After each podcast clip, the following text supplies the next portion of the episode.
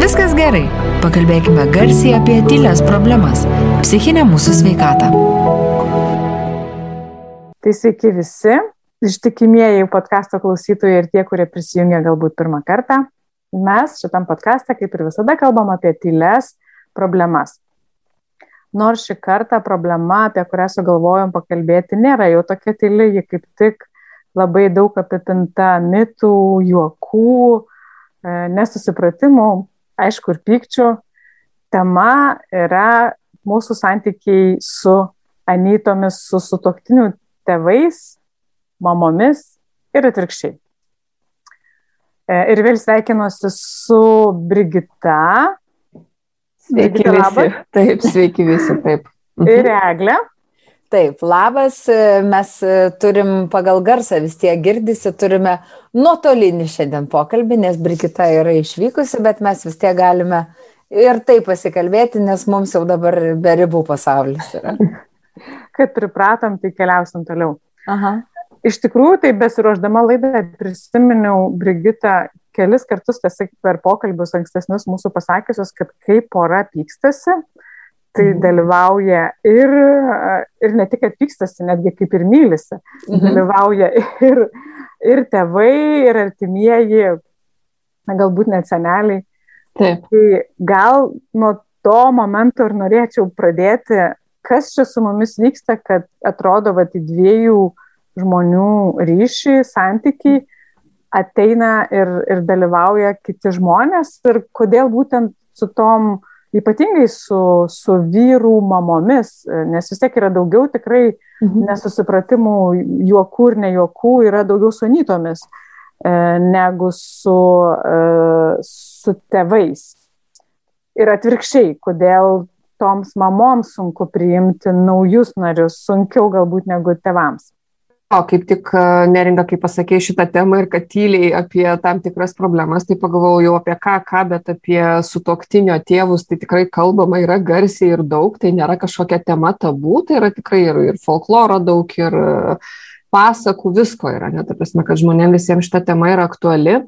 Ir man irgi patinka labai tas posakis e, ir kiek stebiu ir savo, ir kitų gyvenimus, kad vat, kai jeigu pykstasi vyras arba žmona, tai už mūsų nugarų yra bent jau du mūsų artimieji žmonės, tai yra tėtis ir mama kad e, labai įdomu yra analizuoti mūsų santykius būtent iš tos giminės perspektyvos. Ir aš pamenu pati, kai buvau jauna studentė psichoterapeutė ir mokiausi ir iki to laiko vis galvojau, jau kas kas, o aš tai labai savarankiška ir nuo nieko esu nepriklausoma. Ir mes padarėm tokią sociogenogramą, labai įdomi technika, metodika, iki šiol aš klientam naudoju, jie visą laiką išeina su tokiu įspūdžiu, wow, galima ir internete susirasti ir patiems pasidaryti. Tai piešiam visą giminę, Ir mes tada žymim, kas su kuo bendravo, kas su kuo pykosi, kokios buvo tradicijos, e, kokie buvo ritualai, kaip, kaip kokie santykiai tarp tam, tam tikrų žmonių ir kiek daug galima pamatyti. Jau vien iš tos sociogenogramos, matant, kas vyko mūsų giminiai, arba vien nupiešus mamos ir tėčio giminės, kaip jos susitinka, pavyzdžiui, iš karto paaiškėjo, kodėl visą gyvenimą, tarkim, tėtis ir mama barėsi, arba kaip tik labai gerai sutarė. Nes mes atsinešam tikrai labai daug modelių, labai daug įpročių, labai daug nesąmoningų arba sąmoningų elgesio modelių, kuriuos paskui taikome gyvendami kartu. Tai aš kaip sakau, kai aš jau su protu rinkausi partnerį, tai buvo daug paprasčiau ir lengviau su patirtimi, negu kai aš buvau 18 nes iš tikrųjų jau iš pirmų susitikimų galima pamatyti ženklus ir kokia yra giminė, ir kokia yra mama, ir koks yra tėtis, kokios mūsų problemos laukia, jau turint patirties galima tai pamatyti, bet dėja, kas mes tą patirtį turim. Po truputėlį auginamės tą patirtį. Na, bet Gerai, aš tai norėjau labai pradėti nuo to posakio, kur sako, Anyta velnio pramanyta. Tai čia nais dabar tiesa ar melas yra? Na, be abejo, kad aš dažniau susiduriu terapinėse sesijose su tais variantais, kai žmonės skundžiasi, kad blogai sutarė su sutoktinio tėvais arba kai reikia statyti ribas, kai yra labai sudėtinga. Tikrai yra labai daug ir anegdotinių ir juokingų situacijų.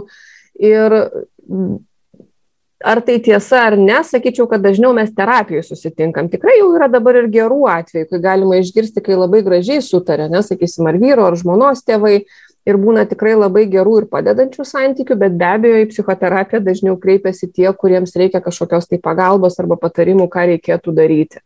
Tai problemų būna įvairių. Mhm. Bet e, ar yra, pavyzdžiui, kad labiau priklauso, nežinau, nuo to, kiek, kiek yra vaikų, kiek, tarkim, motina turi vaikų, ar nuo to priklauso sunkumas priimti to vaiko antrą pusę? Priežasčių, kodėl vaiko antro pusę gali būti sunku priimti, gali būti begalė. Tai gali būti, pavyzdžiui, e, pakartojimas, aš kai kažkada buvau, atėjau į kitą šeimą ir manęs nepriėmė. Ir aš tada galiu lygiai tą patį modelį kartoti su savo sunumi arba dukra. Keršijam. Jo, galim keršyti arba galim elgtis, kad tai yra įprasta, man tai yra daugiau suvokiama, suprantama, kad reikia nuolat bartis ir panašiai. Ir reaguojant, Eglė, į tavo klausimą, ar yra skirtumas tarp vaikų, tikrai tam tikros kombinacijos yra svarbios. Jeigu yra vienas vienintelis sunus, tai dažniau gali būti, kad mama kovos dėl to sunaus su būsima marčia arba merginomis ir panašiai. Bet vėlgi, dar priklausys ir nuo kitos kombinacijos. Jeigu ta mama turi arba turi pakankamai gerų santykių su vyru, jinai sūnų lengviau ir paleis. Dažniau problemos būna, jeigu yra santykiai blogi tarp vyro ir žmonos, Arba apskritai, pavyzdžiui, dar sudėtingiau būna, jeigu aš turiu tik tai vieną sūnų, o vyras yra arba žuvęs, arba išėjęs, arba išsiskyrė mm. ir aš nebeturiu kito vyro šalia.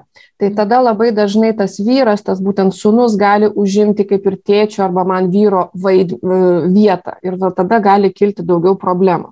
Lygiai tas pats gali būti, jeigu yra, pavyzdžiui, ir kitos dukros arba sūnus, tai dažniau būna tas pirmas sūnus. Pirmas sūnus tada gali užimti tą vietą ir būti kaip tėtis.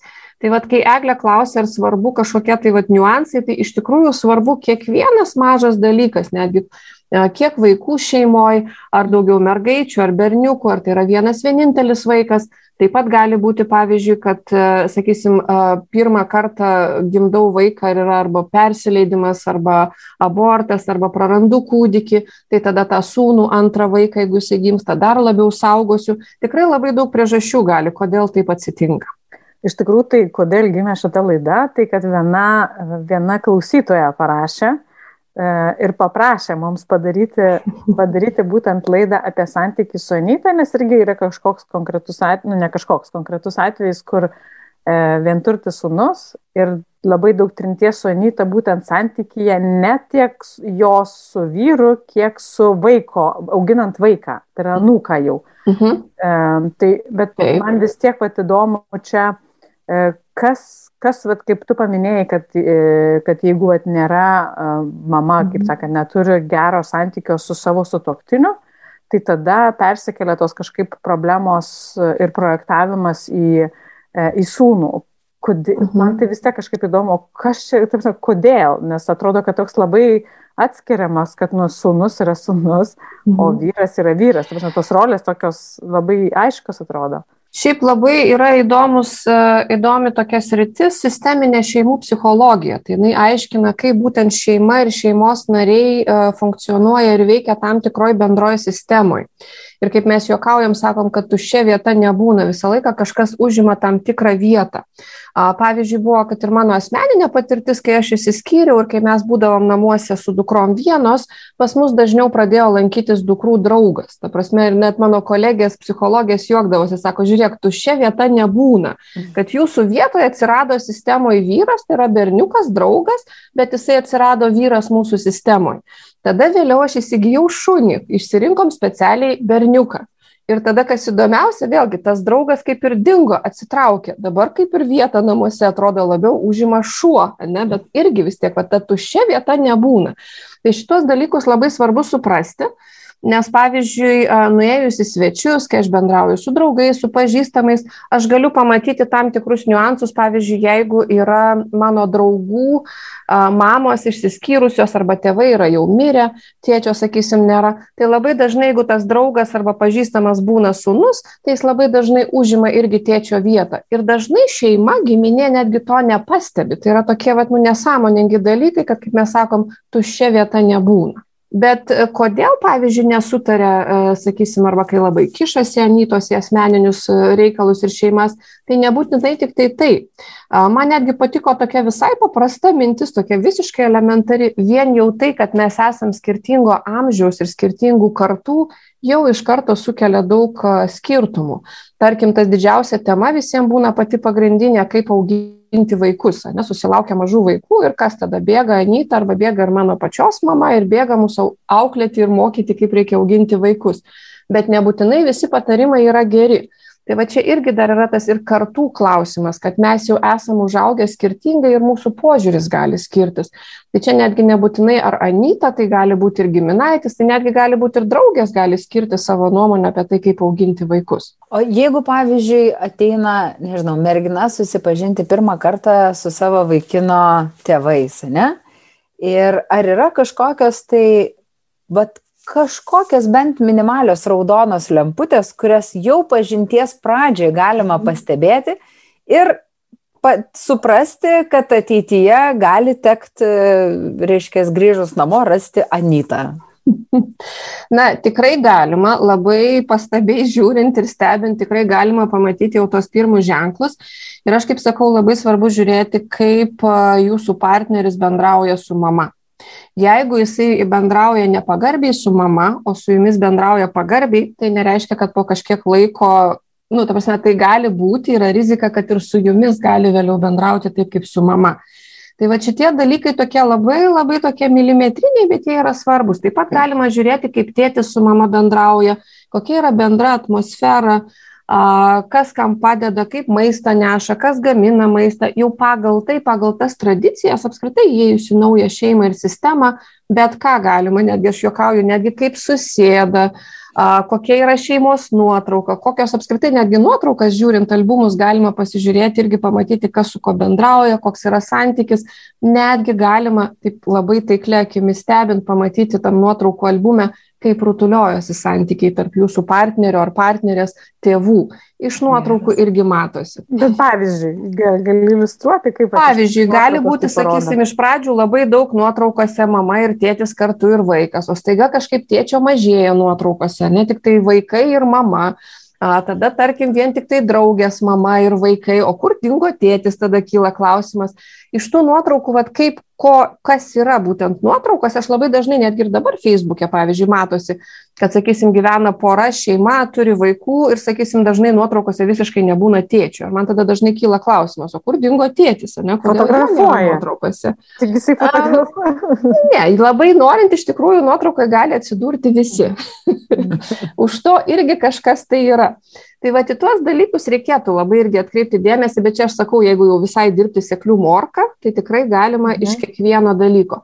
Netgi pirmą kartą atėjus į šeimą, ir jeigu yra pietus ar vakarienė, netgi iš to, kaip kas su kuo sėdi, kas prie ko sėdi, apie tai jau irgi galima padaryti nemažai. Nu, aš nesakau, kad reikia iš karto daryti išvadas, bet galima nemažai pamatyti. Aš pamenu, kažkada skaičiau knygą, tik nepamenu autorės, žinau, kad moteris parašė.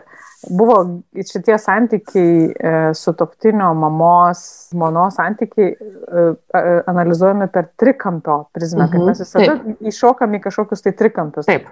Gal tu gali truputėlį daugiau papasakoti ir kaip, kaip iššokam, nepamatom ir kaip iššokti. Yra labai įdomus e, tas trikampis, tai jis vadinamas yra Karpmano trikampis. Ir yra sakoma, kad kai yra jau trys ar keturi žmonės sistemoje, mes papuolam į tam tikras rolės. Ypač jeigu yra dažniau konfliktuojanti sistema, tai atsakysim, šeimoje dažniau mama ir tėtis pykstasi. Tai tada dažniausiai yra trys pagrindinės rolės - tai yra auka, persekėtojas ir gelbėtojas. Tai va irgi, ką norėjau pasakyti, tas irgi susijęs su mūsų tema, gali būti gali būti, kad pavyzdžiui, mama gali bartis labai stipriai su tėčiu ir vaidinti arba būti toj aukos, aukos vaidmenyje ir tada arba sunus, arba dukra, arba keletas vaikų tampa tais gelbėtojais. Jie daugiau gelbėja, o tėtis gali tapti persekiotoju. Bet gali būti atvirkščiai, gali būti tam tikrą dieną, tam tikrą savaitę, kažkokia kita kombinacija, sakysim, sunus arba dukra atsiduria kažkokioje situacijoje, mama gali būti arba persekiotoje, arba gelbėtoje.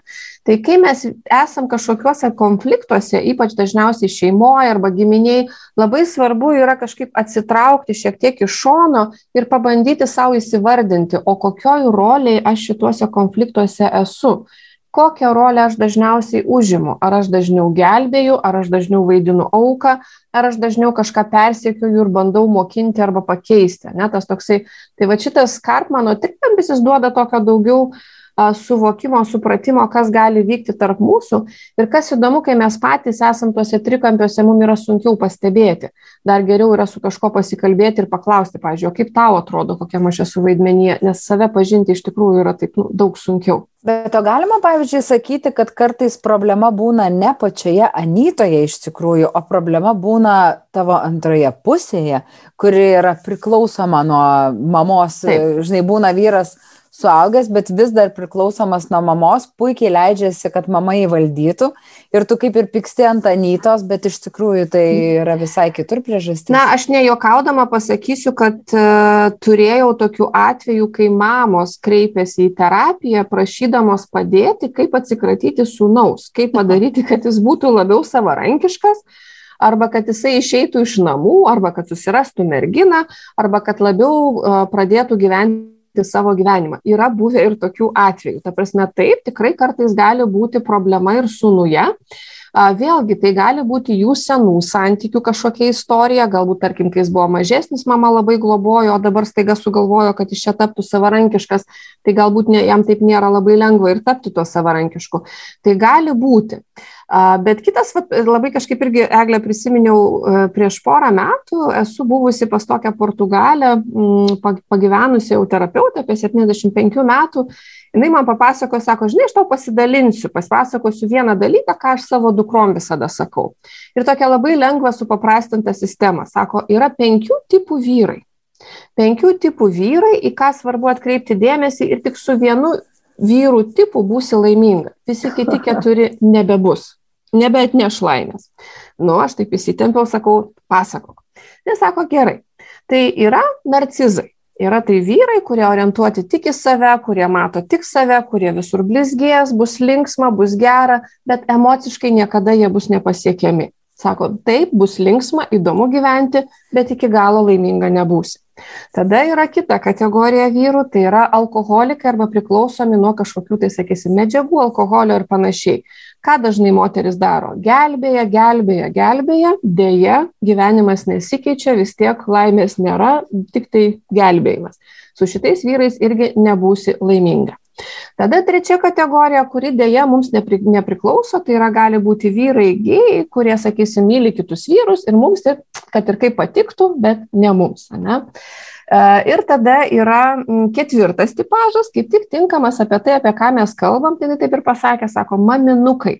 Tai yra tie vyrai, kurie visada klauso mamos, kurie mama bus visą laiką numeris vienas, e, tu būsi arba antra, arba netgi ir tą numerį nepakliūsi pliusų numeris du.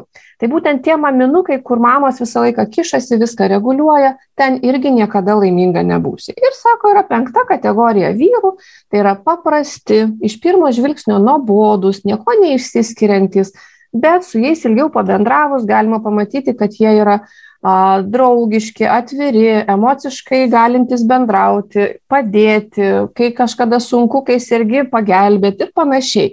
Bet į tuos vyrus mes, sako, kreipiam dėmesį dažniau, kai jau būnam vyresnės. Tai va, jinai man papasakojo tokią išmintį ir sako, viskas, tai žiūrėk dabar, ar nori būti laiminga, ar ne. ok.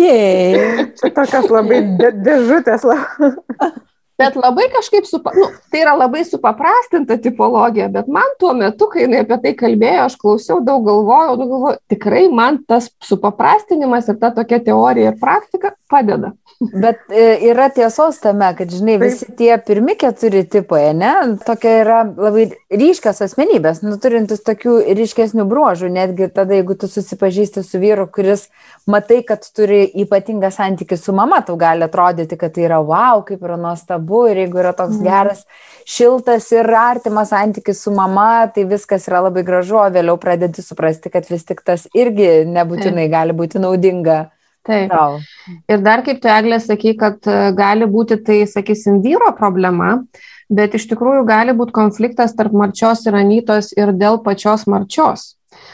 Yra moterų, kurios yra labai konkuruojančios. Yra moteris, kurios, va, tarkim, aš ateinu į naują šeimą, naują sistemą, aš matau, kad mūsų normos taisyklės skiriasi ir iš karto kylu į tą tokią kaip kovą, kad mano taisyklės yra geriausios tai, kaip gyvenu aš, taip ir turi gyventi tavo sunus ir tu irgi turi prisiderinti. Tai kartais būna ta kova nebūtinai dėl anytų, kad jos negali sutarti su, su, su marčia, bet pati marčia gali provokuoti tuos konfliktus. Kad būtent marčia irgi, sakysim, galbūt iš praeities yra kažkoks tai elgesio modelis, kur būtent uh, sakysim, moteris, kurios nuolat konkuruoja su kitomis moterimis, tai gali įsijungti daugiau konkurenciniai dalykai ir tos dvi moteris gali konkuruoti. O dar blogiau, jeigu susitinka abi konkuruojančios. Tark kitko, dar vienas geras dalykas tai yra, kad dažnai girdėjo tą teoriją, kad labai dažnai vyrai ir moteris pasirenka partnerius panašius į savo tėvus, tai yra mama arba tėtį. Ir jūs įsivaizduokit, jeigu aš esu mama, turiu sūnų, turiu savyje tam tikrų savybių, kurių nemėgstu, užauginu sūnų ir sūnus atsiveda marčią, panašiai į mane ir būtent tos savybės, kurių aš nemėgstu. Kas vyksta tarp mūsų? Aišku, kad mes baramės, nes jinai kažkokia netokia, bet kad suprasti, kad tai yra dėl to, kad man pačiai tai nepatinka. Ir labai dažnai mes galim būti panašios, bet to nematydamos bartis. O kaip dar galėtum dar truputėlį papasakot, kaip vat, grįžtant prie tų trikampių mhm. ir vat, prie tų vat, tavo išvardintų kelių tipų a, a, vyrų, kur aš įsivaizduoju, kad, na, jie gali būti ir persimaišę, nėra tokio vat, grinos atskiros kategorijos maminukas. Ne, jie, mhm. gali, e, bet e, kaip pastebėti, kad, kad esi, kaip pačiai pastebėti, kad esi tam trikampyje, nes tai nebūtinai gali būti atviras konfliktas, gali būti, kad mhm. ir ne visada pasimatys, kad, kad vyras priklauso nuo mamos, gali atrodyti labai, e, labai nepriklausomas, bet mhm. tam tikrose sritise, e, vėlgi vietoj to, kad aiškintų santykis tiesiog su, su, su, su mama, su savo mama bandysiuos aiškintis per, per, per, savo, per savo antrąją pusę. Kaip tokiuose situacijose Jo, aš kaip visada sakau, kad reikia neskubėti jeigu mes renkamės sutuoktinį ar sutuoktinę arba žiūrim, kad kaip mes galėtumėm gyventi poroje toliau kartu, ne tik tai eiti į pasimatymus, tai labai svarbu yra stebėti ilgiau. Tarkim, e, tikrai yra porų, kurios pradeda gyventi kartu po dviejų, trijų e, mėnesių ar pusmečio, bet dažnai jie būna gerai dar nepažinę ir nesupratę tų visų taisyklių. Vėlgi, būna išimčių, tikrai žinau atveju, kai būna poros labai stabilios ir labai sėkmingai gyvena, bet didesnė visgi tikimybė, kad mes negalim visko iš karto pamatyti ir pastebėti, nes vis tiek to įsimylėjimo fazėje pirmą pusmetį ar metus ir dažniau ir vyras parodo savo pusę gražesnę arba moteris, kuri bendrauja su vyru ir kai nes, netgi kai tėvus aplankom, e, naujai susitinkam su būsimais, sakysim, uošviais arba anytom, jos irgi būna iš pradžių geresnės. Ne, ta prasme, kad reikia laiko, reikia laiko, kad pasižiūrėti, kad pastebėti ir kad geriau pažinti ir tik tada galim pamatyti, kokie procesai vyksta. Bet vėlgi reikia labai daug samoningumo, kad sugebėti pamatyti, aš kaip sakau, tą sociogenogramą labai padeda pamatyti tuos visus elgesio modelius, lygiai taip pačiai pabandyti atsitraukti, pasižiūrėti, kasgi šitoj šeimoje vyksta ir kaip aš čia įsipaišau, tuos dalykus pastebėt galima, bet tikrai, sakau, labai reikia daug samoningumo ir suvokimo, kasgi čia aplink. Jeigu jau perint dabar į tą kitą etapą, nuo to, kad atpažįstam, kad kažkas vyksta, ne, ir nėra mhm. taip, kad jeigu pamatai, kad ten maminukas ar ten koks nors, tai na, santykių nenutraukia, vis tiek norisi mhm. puoselėti, norisi mhm. kažkaip tai palaikyti konstruktyvius, draugiškus santykius, kaip, mhm. kaip pradėti brėžti tas ribas, kaip pradėti ja kaip bendrauti konstruktyviai, nesipykstant kiekvieną kartą, galbūt Aš... ir tiek, tiek santykiuose, kai lenda į, į tuos dvišalius vadinamus mm. santykius, bet ir santykius su vaiku, vat, tos konkrečiai vat, pašnekovės, kurios, kurios problema inicijavo mhm. šitą laidą. Aš manau, labai svarbu yra žiūrėti, jeigu yra maminukai ar maminukės, labai svarbu žiūrėti irgi yra į amžių ir kultūrą.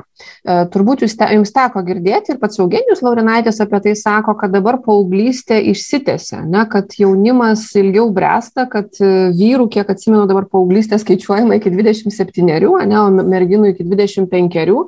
Ir gal esat girdėję, pavyzdžiui, kad pietų Europoje, sakysim, Portugalijoje, Italijoje, Ispanijoje tiek moterys, tiek vyrai ilgiau gyvena su mamomis ir su tėvais, kad mm. netgi dabar neseniai mačiau per televiziją, kad planuoja valstybė skirti per mėnesį 300 eurų jauniems žmonėms, kad jie išsikraustytų iš tėvų ir nuomotųsi atskirai. Čia Ispanijos toksai yra projektas.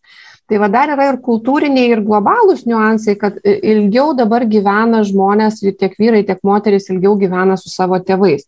Tai nereiškia, kad jeigu jūs susitinkat 27 ar 30 metų merginą ar vaikiną ir jis gyvena su mama arba jį gyvena su mama, jau prirašom, kad maminukas ir čia jau viskas reikia bėgti. Ne. Yra vienas kriterijus, į ką labai svarbu atkreipti dėmesį. Tai mes atsimena, turėjom laidą, man atrodo, netgi pačią pirmą apie tai, apie toksiškus santykius. Kaip svarbu matyti, ar tas santykis yra sveikas, kiek jis įmanoma yra sveikas, ar tai yra gražus santykis, ar tai yra palaikantis santykis, ar nuolat, sakysim, ta mama tiek savo sūnų arba dukrą nuolat reguliuoja, nepaleidžia, konfliktuoja, nurodinėja, ką ir kaip daryti ir panašiai. Jeigu tai yra sveikas santykis, tai nebūtinai tas maminukas ar maminukė yra tik blogai. Tai vad vienas iš kriterijų, ką daryti, ar jau čia bėgti, ar kažkaip dar kurti tą santykį, tai aš sakau, tikrai labai svarbu pasižiūrėti, kokia ta pati asmenybė yra kaip mama arba tėtis, būtent jūsų būsimo partnerio ar partnerės. Tai yra vienas iš bazinių dalykų. O paskui jau pagal tai yra atitinkamos strategijos. Jeigu tai yra tik tai, kad jūsų vyras arba e, žmona arba mergina, su kuria jūs bendraujat, daugiau priklausomi nuo tėvų, bet dar tik atsiskirinėja, tai galbūt padėti tam žmogui pereiti tą procesą, atsiskirti, nes visi mes praeinam tą procesą, jeigu būna santykiai, tarkim, geri, visi praeinam tą procesą, kaip atsiskirti nuo mamos ir tėčio, kaip kurti savo šeimą, kaip jinai turėtų atrodyti, kokios mes šeimos norim, kaip mes norim gyventi. Vis tiek, kai susitinka vyras ir moteris šeimoje, reikia aptarti, kaip mes gyvensime. Vis tiek ateinam dažniausiai iš skirtingų šeimų, kai kuriem pasiseka, bet tai labai retas atvejis, kai turim panašų požiūrį, vertybės ir taisyklės, bet dažniausiai reikia tartis.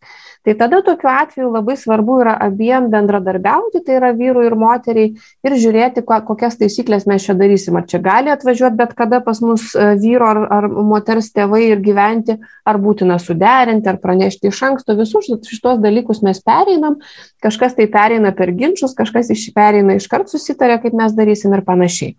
Tai šitoj pusėje, sakyčiau, yra lengviau. Sunkiau yra, kai yra tie va toksiški, ne, kai yra toksiški tėvai, toksiški uošviai. Yra, tarp kitko, netgi knyga, kai mes kalbėjom apie toksiškus santykius, tai tos pačios uh, autorės yra apie toksiškus tėvus lietuviškai išleista knyga, yra toksiški uošviai, man atrodo, taip ir vadinasi. Tai būtent skirta irgi apie tą, tai tada jau yra keletas strategijų, kaip ką daryti. Vienas iš dalykų, jeigu tai yra tikrai labai toksiškas mama arba tėtis, nesvarbu kieno pusės ir lenda visą laiką į šeimą, kaip svarbu yra statyti ribas. Tai yra ta vadinama brandolinė šeima. Aš ir mano vyras, mes esam tas brandolys, mūsų mm. vaikai tai yra mūsų pagrindinė šeima. Ir mes statom ribas, kaip mes norim bendrauti su kitom mm, šeimom, tai yra būtent ir su tėvais. Ir jeigu tos mamos arba tėčiai yra labai labai įkyrus ir labai stato ribas ir tiesiog netgi kartais, kai kada ateina tėtis ar mama į šeimą, praleidžia laiką ir išeina ir pora susibara, ne, ta prasme, kad nu, tai yra tiek įneša to chaoso ir pykčio, kad e, pora netgi susibara vien dėl to. Tai mhm. gal tada kartais iš tikrųjų tenka, aš dabar vat, kalbu iš praktikos, sakysim, poros sprendžia labai įvairiai. Kai kurie bando kalbėtis su tėvais ir, ir nustatyti ribas ir žiūrėti, ar jie laikysis ar ne, o kai kurie, kai jau visiškai niekas nepadeda, daro pakankamai drastiškai. Aišku, blogiausia turbūt yra, kai vyras arba moteris pareiškia, kad pas tavo šeimą, pas tavo tėvus aš daugiau niekada nevažiuosiu. Tai čia matyti yra sunkiausia, nes tada tiek ir moteris, tiek ir vyras gali vis tiek, kad ir kokie mano tėvai, bet aš galiu jautriai sureaguoti, kai mano sutoktinis ar mm. poros narys sako, aš pas tavo tėvus nevažiuosiu. Tai vad kaip šitoj vietoj svarbu irgi tas toksai pagarba ir supratimas, kad tai yra visgi to kito partnerio tėvai ir kad kokie jie bebūtų, kaip svarbu išmokti išlaikyti tą ribą, kad neįžeisti savo sutoktinių, nes tikrai labai daug ginčių vyksta būtent dėl tėvų. Bet dabar, bet, kaip tu paminėjai apie tai, kad, kad labai daug priklauso nuo to, vat, kaip mes po truputėlį atsiskiriam ir turim išmokti atsiskirti nuo tėvų, tai aš vat netgi dabar galvoju, aš pati berniukus dauginu ir, ir mhm. šiaip pat galvoju, toms mamoms, kurios e, dar dabar augina berniukus tuos, kur kažkada reikės atsiskirti. Tai ko, kokios yra pagrindinės galbūt klaidos, kurios yra mhm. daromos, kurios vėliau sąlygoja vat, visas šitas problemas. Mhm. Nes atrodo, žinai, iš tos per didelės meilės tu padarai vaikui meškos paslaugą. Jo, tai visų pirma, aišku, padeda požiūris. Padeda požiūris, kad vaikai taip, jie yra mano, jie yra su manim, bet aš juos vis tiek ruošiu ir išleidžiu į gyvenimą. Jie nepriklauso man. Kad tai yra, kad man didžiausias kaip mamai pasiekimas, tai yra, kai vaikai nueina nuo manęs ir gali gyventi savarankiškai. Bet kad jie gyventų savarankiškai ir kad aš juos ramiai paleisčiau, kaip svarbu man pačiai tvarkyti su savo gyvenimu. Mes dažniausiai nepaleidžiam vaikų tada, kai mums pačiom nesaugu kai mums pačiom nedrasu, kai mes bijom, kai mes turim daug baimių, kai mes negalim būti vienos. Yra tikrai labai daug, tai yra labai daug susijęs su mama. Ir aš pati atsimenu, kai mano dukros, pavyzdžiui, pradėjo tas periodas, kai jos pradėjo daugiau bendrauti su draugais ir taip ateidavo ate ir taip nueina ir kartu ir džiaugsmas apima, kad kaip faina auga ir tokia vos ne ašara išbyra, kad oh, manęs jau nebereikia. Tokie tikrai labai yra, nu kaip pasakyti, dvilypiai jausmai, kartu ir džiaugsmas ir kartu baime. Ir šiaip labai įdomų pastebėjimą turiu, kad pavyzdžiui, tos mamos, kurios labai bijo ar nesusitvarko su savo vidum, labai dažnai, ypač kai turi du vaikus, tris vaikus arba tą vieną vienintelį, gal specialiai, gal nespecialiai, bet taip gražiai prisiriša. Gal jūs turit pavyzdžių, kai, sakysim, brolis arba sesuo gyvena, arba dvi seseris, viena sesuo išteka, turi šeimą, augina, o vienas vaikas lieka su mama arba su tėčiu, šeimoje gyvena. Dažniau tai būna mamos, ne, prižiūri, netgi neišsikrausto, netgi būna šeimos nesukuria. Ir aš netgi ir dabar tokių pavyzdžių matau ir aš kaip visą laiką sakau, tos mamos netyčia arba tyčia prisiriša tuos vaikus, kad tik jie nepaliktų. Man baisu senti, man baisu vienai numirti, man baisu. Ir tada mhm. tokiu būdu aš įsikabinu į vaikus arba į vieną vaiką dažniausiai, kuris būna silpniausias, Dar dažnai mamos būna kalties jausmas sukelia, aš tave tiek auginau, aš tave prižiūrėjau, tu irgi mane turi prižiūrėti. Daug visokių dalykų įsijungia, bet čia aš kaip sakau, tai yra grinai dėl savo vidinio nesaugumo ir savo neišspręstų problemų. Man atrodo, čia galėtų būti dar viena didelė tema kitam pokalbiui, nes, nes tikrai tokia daug dar klausimų kelinti. Tikrai. Vat grįžtant, o grįžtant prie to, kai prasideda nauji santykiai, nauja šeima ir jeigu mhm. nėra stiprių įgūdžių, mm arba per daug yra praleista laiko kitoje savo, savo šeimoje, kaip tas padėti partneriui atsiskirti, partneriui, mhm. partneriai atsiskirti. Vat gal tu gali šitoj vietoj E, irgi mhm. pasidalinti keliais ar patarimais, e, žingsniais, nežinau, kad vat, e, klausytojams būtų aišku, jeigu yra tokia situacija, kaip tas atsiskirimas konstruktyvus gali vykti, mhm. ne tai, kad nevažiuosim, nedarysim. Šiaip tai, šiaip tai man labai patinka vienas dalykas iš mano terapijos krypties, tai yra iš gestalto psichoterapijos, kad mes, pavyzdžiui, šiaip bendroji psichologija sako, kad, na, tėvai ir vaikai turi atsiskirti ir gyventi savarankiškai. Mes e, geštaltį turim truputį tokį švelnesnį požiūrį. Mes sakom, kad jeigu žiūrėkit, jeigu yra sūnus arba dukra, yra tėvai, ir jinai nenori arba jis nenori atsiskirti ir jie visi sistemoje jaučiasi gerai ir jiem iš tikrųjų gyventi yra gerai, tai nėra blogis. Apskritai šiais laikais tiek ribos yra išsitrynę, kad yra sunku pasakyti, kas yra mm. gerai, kas yra blogai ir ta sistema nusprendžia, ar jiem toks santykis yra ok. Bet jeigu tėčiui, mamai arba sūnui arba dukrai bent vienam iš jų kažkuriam negerai būti kartu, tada jau reikėtų tą problemą spręsti. Lygiai tas pats yra ir su sutoktiniais, jeigu į sistemą ateina marčia arba žentas, Ir jeigu ta sistema labai glaudžiai bendrauja ir jiem patinka, tai irgi yra ok. Aš pavyzdžiui, mačiau savo patirtį, tikrai nedaug tokių šeimų mačiau, bet vieną labai labai taip žiūrėjau net išsižiojus, tiek tėtis, mama, tiek keletas vaikų, jų antros pusės ir draugai, jie taip gerai sutarė, jie kiekvieną dieną praleisdavo kartu, vienas kitam skambindavo ir jie visi jautėsi gerai. Tai va šitoj vietoj nieko daryti nereikia. Atsiskirti reikia tik tada, jeigu kažkam yra negerai. Tai tokiu atveju, kaip neringa klausi, ką daryti, jeigu aš matau, kad, sakysim, mano partneris arba partnerė labai priklausomas nuo tėvų, tai visų pirma, aišku, duoti tokį grįžtamą į ryšį, kad jūs tai pastebit, bet labai atsargiai ir labai gražiai. Ne tai, kad, a, tu ten toks tu maminukas ar ten dar kaip nors, aišku, tai jūs tik tai susipyksit. Mm. Bet kaip pasakyti, pavyzdžiui, aš pastebiu, kad tu labai dažnai važiuoji pas tėvus. Ar tau tai svarbu? Nu, toks pasiklausti, pasiklausinėti, arba ar tau tai patinka nutinka. Arba netgi, kai, e, sakysim, vyras arba žmona būna dažnai vienas namuose, o mes sužinom, kad, sakysim, sutoktinis važiuoja vis pas tėvus, ne vienas, tarkim. Tai jūs galite pasidalinti, kad man nejauku, man ne faina, kai tu važiuoji vienas, arba man ne faina, arba man nepatinka, kai mes taip dažnai važiuojam. Aš galbūt norėčiau kažkaip kitaip, nu, toksai, kad gražiai kažkaip pasidalinti. Ne? Bet tikrai yra atvejų, kai daryk, ką nori, dalinkis, ką nori, vis tiek yra pakankamai sudėtinga, arba tėvai, kaip aš sakiau, vis tiek yra toksiški. Tai iš tikrųjų neringa, žinau, realių atvejų ir pavyzdžių, kai visgi vyras ir žmona nusprendžia nebendrauti su tėvais. Tikrai yra tokių atvejų, kad jie sako, mums per daug yra toksiška, mums per daug yra sudėtinga ir jie, kai kurie, pavyzdžiui, apsisprendžia tik tai pasilieka Kalėdas, Velykas arba dar kažkokias tai šventes, o kai kurie nebendrauja iš viso. Tai yra ir tokių variantų.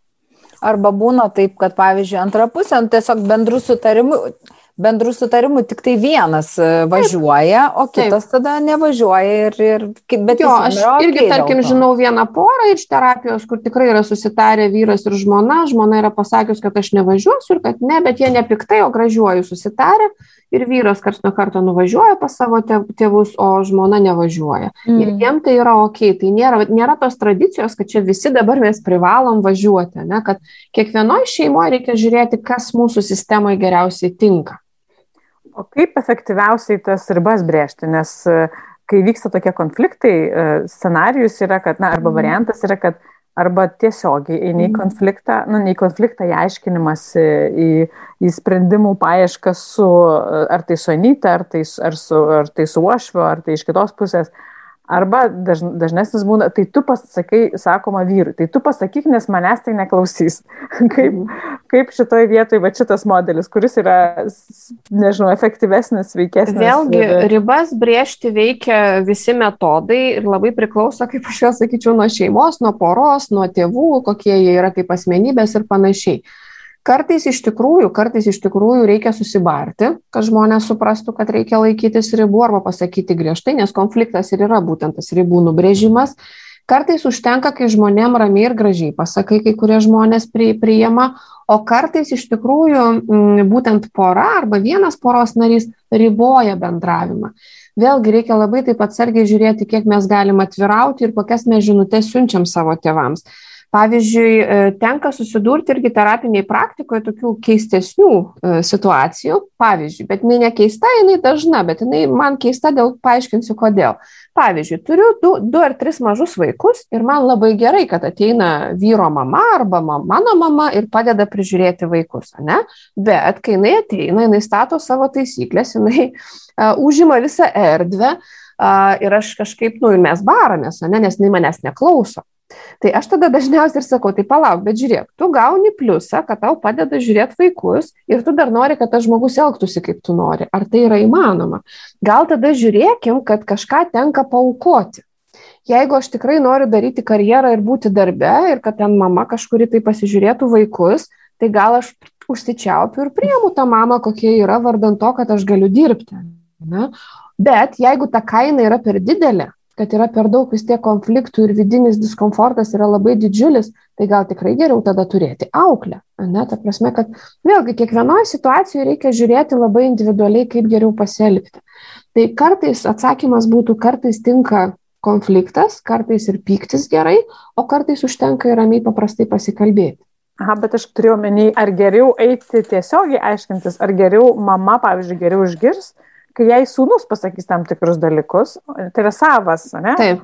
O taip. ne pasakys e, e, žmona. Taip. Aha, jo. Kartais iš tikrųjų būna situacijų, kai pykstasi moteris su vyro tėvais arba vyro, vyras gali barti su moters tėvais ir kai tas tipo sūnus arba dukra nesikiša, ne? Kartais tai būna gerai, o kartais kaip tik yra reikalingas įsikišimas. Ir visiškai neringa sutinku, kad kartais, kad mane išgirstų, tarkim, vyro tėvai, labai svarbu, kad tai pasakytų būtent pats sūnus kartais sūnų arba dukrą tėvai išgirsta geriau, tai būna, bet kartais būna atvirkščiai, kartais kaip tik dukros ir sūnaus negirdi, o išgirsta vat, būtent žentą arba marčią, kad o va čia tai jau pasakė, ne, nors nesvarbu, kad jūs kartojo du metus. tai vat, reikia labai stebėti ir žiūrėti, kas veikia toj sistemoje ir tuos tokius metodus tada geriau ir taikyti. O kai mamos ir čia labai gerai Eglė pasakė, kad labai reikia atsargiai žiūrėti, kad mes e, į ten pat neįkristume. Mhm. E, tai vad kaip mamos pradeda kištis į vaikų auklėjimą. Kas čia apskritai psichologiškai, kas čia vyksta? Mes tada, mhm. nežinau, matom, nežinau, savo klaidas, neklaidas, po, kas čia ne, ne, pačios nesugebėjo. Mamos turiu omeny močiutės. Taip, močiutės pradeda, mhm. bet ne tai, kad, nes vienas dalykas yra, kur matosi skirtumai kartų, tą aš suprantu, bet būna tikrai mhm. situacijų, kur, kurios, e, kurios jau peržengia ribas, mm. kur sako, nepaisant to, kad tėvai pasakė vienai elgtis, ir čia nėra kalba apie ten saldainiukus arba ten, nu, kas mm. apskritai tradiciškai seneliams uh, E, atrodo kitaip ir čia jau daryk, ką nori, niekaip kitaip nebus. Ar jau ten ne, man atrodo bet... Lietuvoje, man atrodo Lietuvoje visi yra krepšinio žinovai ir visi yra vaikų auginimo žinovai. Nes e, kadangi teko ir pačiai mažus vaikus auginti, tai tikrai pastebėdavau, kiek žmonių, tiek nuomonių. Nes nėra tos galutinės nuomonės, ne kaip tos vaikus geriausia auginti, ten kiek laiko mėgoti su jais lovoje, arba ten juos atskirti, neatskirti, kaip maitinti, kaip renkti. Tai šitoj vietoje visą laiką kyla konfliktų ir nesvarbu, ar tai yra močiutės, kišasi į tai labai daug žmonių. Labai daug žmonių mėgsta duoti patarimus. Tai ką aš pastebiu ir ką aš dažnai rekomenduoju ir kitiems, tai yra kaip svarbu pačiam savo atsakyti klausimą, kaip aš noriu, kaip aš kaip mama, kaip aš kaip tėtis noriu, kad būtų. Nes kai mes nesam viduje užtikrinti, tai mus labai greitai išmuša iš vėžių. Labai greitai. Būtent aplinkiniai, jie dar taip ir lipa kaip ant žaizdų, kad daryk tą, daryk aną. Tai su mamom ir su, su tėčiais, tai, nu, su seneliais, tai tikrai labai svarbu irgi statyti ribas ir pabandyti paaiškinti. Šiaip tai man patinka tas toksai mm, modelis, kur yra, kad aiškinu, pavyzdžiui, kai, man, kai mes konkrečiai sakom, koks elgesys man nepatinka ir kaip aš jaučiuosi. Pavyzdžiui, jeigu močiutė labai lenda į kažkokį ten, nežinau, vaikų maitinimą, tai aš sakau, mama arba, arba kreipiuosi į Anytą, sakysim, kad kai jūs arba kai tu gamini tokį patiekalą ir verti vaikus valgyti, aš jaučiuosi nefainai, man tai nepatinka, mhm. mano požiūris į mytybą yra kitoks ir aš norėčiau, kad būtų taip, taip ir taip. Toks, kad būtent ne tai, kad kokia tu čia močiutė, kokia tu čia anyta, ką tu čia darai, ne kad pyktį išlėti, o grinai pasakyti, kaip aš jaučiuosi, kai tu kažką darai. Ir tikrai kai kurios mamos ir anytos tai išgirsta, kad va tas... Tokia labiau diskusijos forma. Taip, taip. Arba aš matau, kad tau rūpi, aš matau, kad tu labai rūpinėsi, kad viskas būtų. Man tai yra, tarkim, pirma patirtis, tai yra mano pirmas vaikas arba antras vaikas. Duok ir man padaryti savo klaidas, duok ir man mokintis. Mm. Nu, toksai, kad kažkaip nubrėžti tas ribas. Šiaip mes, kai apie pyktį kalbėjom, tai yra pykčio šokis tokia knyga. A, tikrai verta paskaityti ten vat, būtent irgi konkretus patarimai, kaip statyti ribas, kai labai lenda mamos, tėčiai ir taip pačiai yra nytos uošviai, kad mhm. nebūtų per daug, a, per daug tos ribos, kad jos būtų užbrieštos.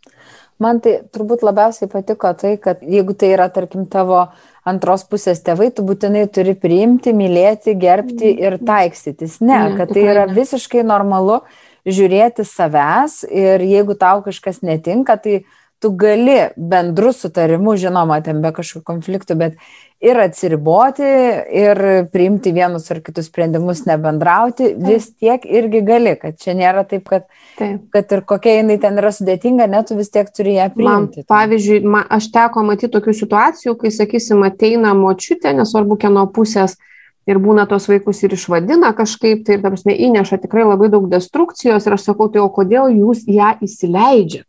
Mm. Tai dažnas, dažnas pasakymas būna, kad taigi vaikam reikia močiutės. Sakau, aš suprantu, kad reikia močiutės, bet ar tai yra tikrai ta kaina, kurią reikėtų mm. mokėti? Gal kažkaip galima kitaip, gal kažkaip, nežinau, rečiau susitikti, ne kasdien ar dar kažkaip, kad kažkaip tai spręsti tą klausimą, nes taip, vaikam reikia močiutės, nu bet ne tokią kainą. Man gal šiaip būtų įdomu, o kodėl mes, vat, kaip, kaip būdavos, kaip mamos, einam į tą, kai kodėl atsiranda ta konkurencija tarp močiutės ir ranytos, kas čia, kas čia atsitinka?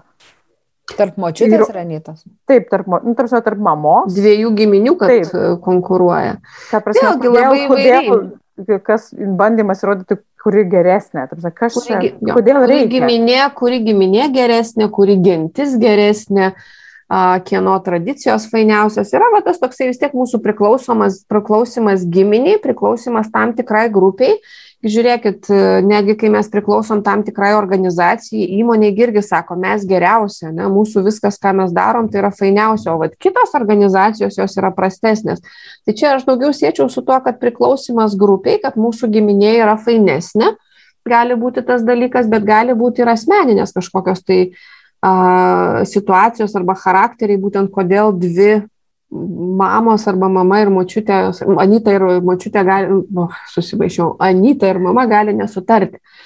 Bet yra pavyzdžių, kai ir sutarė, kai yra ir bendrauja, ir palaiko Taip, tą gražų ryšį, ta prasme, Taip, kad tai taip, nėra taip. tik tai blogai.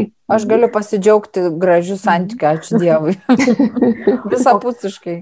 Ar yra kažkokia tai skirtumo tarp vat, mamos santykio su sustoktiniu, su, su, su e, sūnaus arba vaiko sutoktiniu ir tarp tėvo santykio su...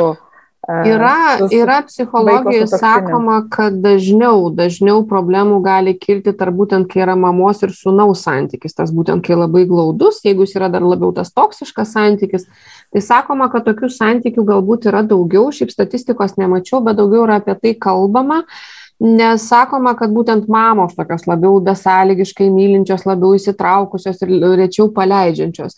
Bet e, iš tikrųjų gali būti kažkoks tai niuansas santykių ir tarp tėčio ir, dukru, ir e, dukros, kad nepaleisti ne į kitą šeimą ir panašiai, bet tokių bėdų ir problemų kažkaip būna mažiau. Kažkaip visą laiką galbūt tėčiai būna labiau tokie truputį atsiriboję ir jie kažkaip galbūt lengviau paleidžia savo vaikus. Nežinau, bet čia vėlgi būna išimčių, ne?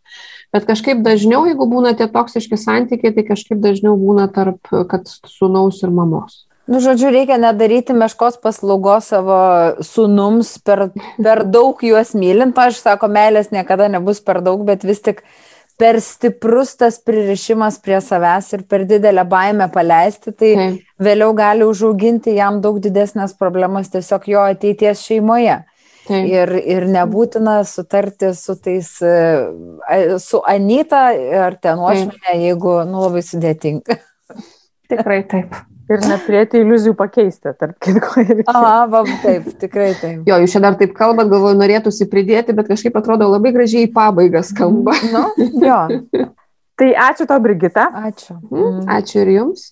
Ir iki tų. Tikėkime, kartų. bent vienus santykius kažkokios marčios ir kažkokios anytos pagerinsim ir jau bus šliusas, jau busim pasiekę tikslą. Tikrai taip. Mažiau stereotipų ir mažiau e, šitų pykčių ir juokelių. Na, juokelių galima bent jau. Ai, viskas gerai. Pakalbėkime garsiai apie tylės problemas - psichinę mūsų sveikatą.